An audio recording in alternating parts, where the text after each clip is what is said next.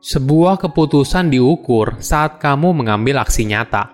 Jika tidak ada aksi nyata, maka artinya kamu belum memutuskan apa pun. Halo semuanya, nama saya Michael. Selamat datang di channel saya, Sikutu Buku.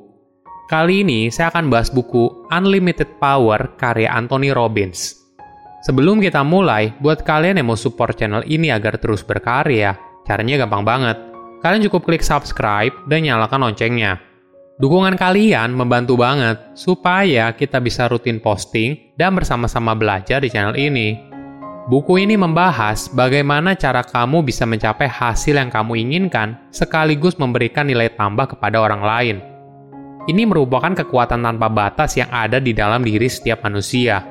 Kita semua pasti tahu betapa pentingnya sebuah pengetahuan. Tapi, apakah pengetahuan saja cukup untuk menciptakan hidup yang sukses?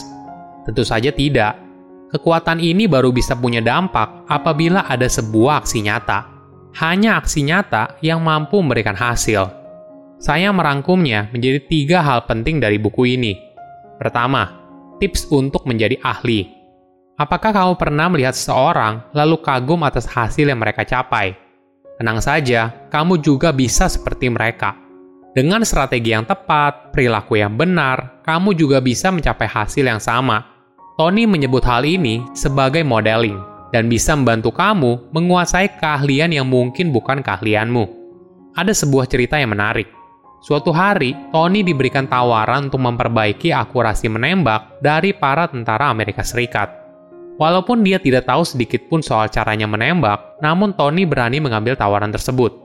Ketika dia tiba di sana, hanya 70% anggota yang berhasil lulus tes menembak. Tony lalu memperhatikan anggota yang paling jago dan mulai membuat program latihan berdasarkan anggota tersebut. Dia mempelajari semuanya, mulai dari cara mereka berpikir, postur tubuh mereka, dan cara mereka menembak. Program yang dibuat berdasarkan para anggota yang paling jago ternyata mampu membuat seluruh anggota baru tersebut lulus tes menembak. Rahasianya adalah 5 proses yang bisa kamu praktekkan di bidang mana pun. Misalnya kamu ingin jago berenang. Pertama, temukan perenang yang jago, lalu pelajari setiap gerakan yang dilakukan oleh orang tersebut. Kedua, latihan dengan meniru gerakan perenang yang jago. Ketiga, visualisasi. Bayangkan setiap gerakan berenang sempurna dengan detail.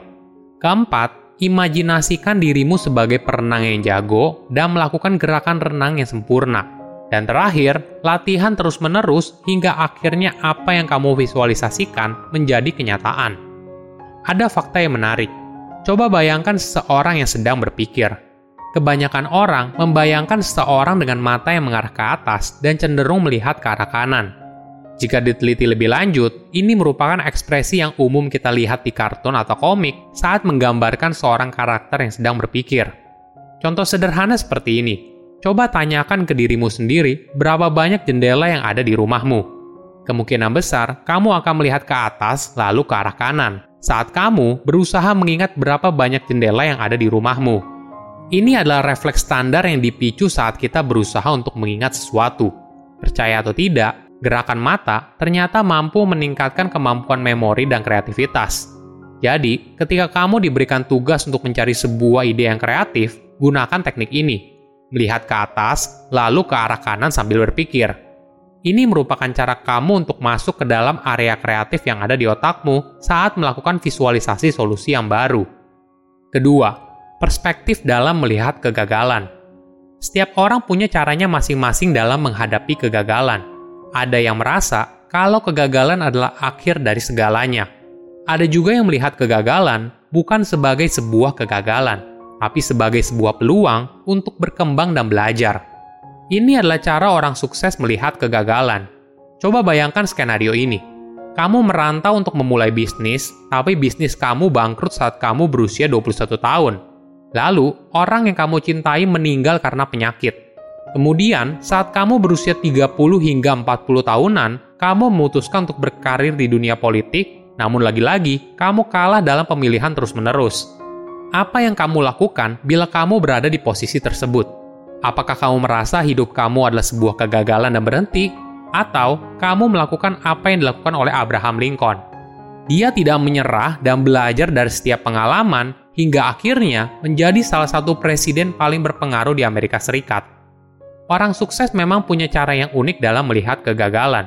Thomas Alva Edison misalnya. Dia dikenal sebagai penemu dari bola lampu listrik setelah 9.999 percobaan yang tidak berhasil. Setiap orang pada dasarnya seperti batu permata yang belum diasah. Situasi yang sulit merupakan kesempatan untuk mengasah batu permata ini. Namun, tergantung bagaimana cara kamu menghadapinya. Tentu saja, terkadang kita tidak bisa mencegah situasi buruk. Namun kamu tetap punya pilihan bagaimana pikiranmu memproses kejadian tersebut.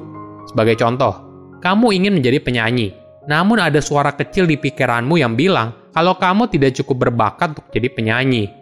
Tapi suara kecil ini lupa bahwa semua hal bisa dipelajari. Jadi, untuk mengubah hidup yang kamu jalani, mengubah suara kecil yang ada di pikiranmu merupakan satu hal yang penting.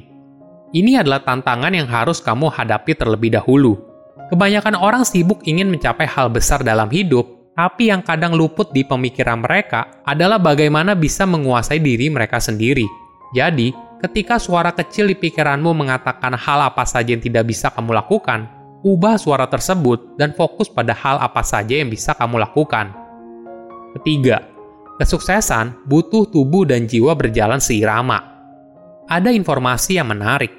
Bahasa tubuh ternyata bisa mempengaruhi emosi yang kita rasakan ketika kita ingin mengubah suasana hati, kita bisa menggunakan bahasa tubuh untuk memberikan kita energi baru. Coba perhatikan, ketika kita sedang lelah atau suasana hati kita sedang tidak baik, tubuh kita juga menunjukkan hal yang sama.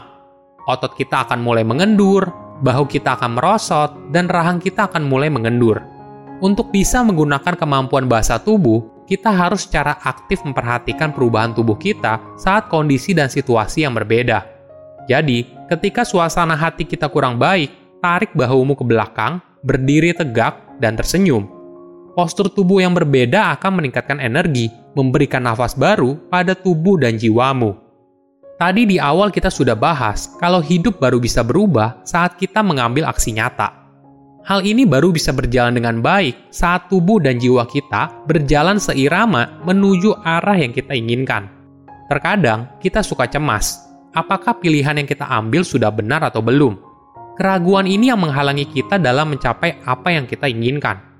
Ketika kamu sudah membuat sebuah pilihan, lakukan aksi nyata untuk menjalani pilihan tersebut dengan penuh keyakinan.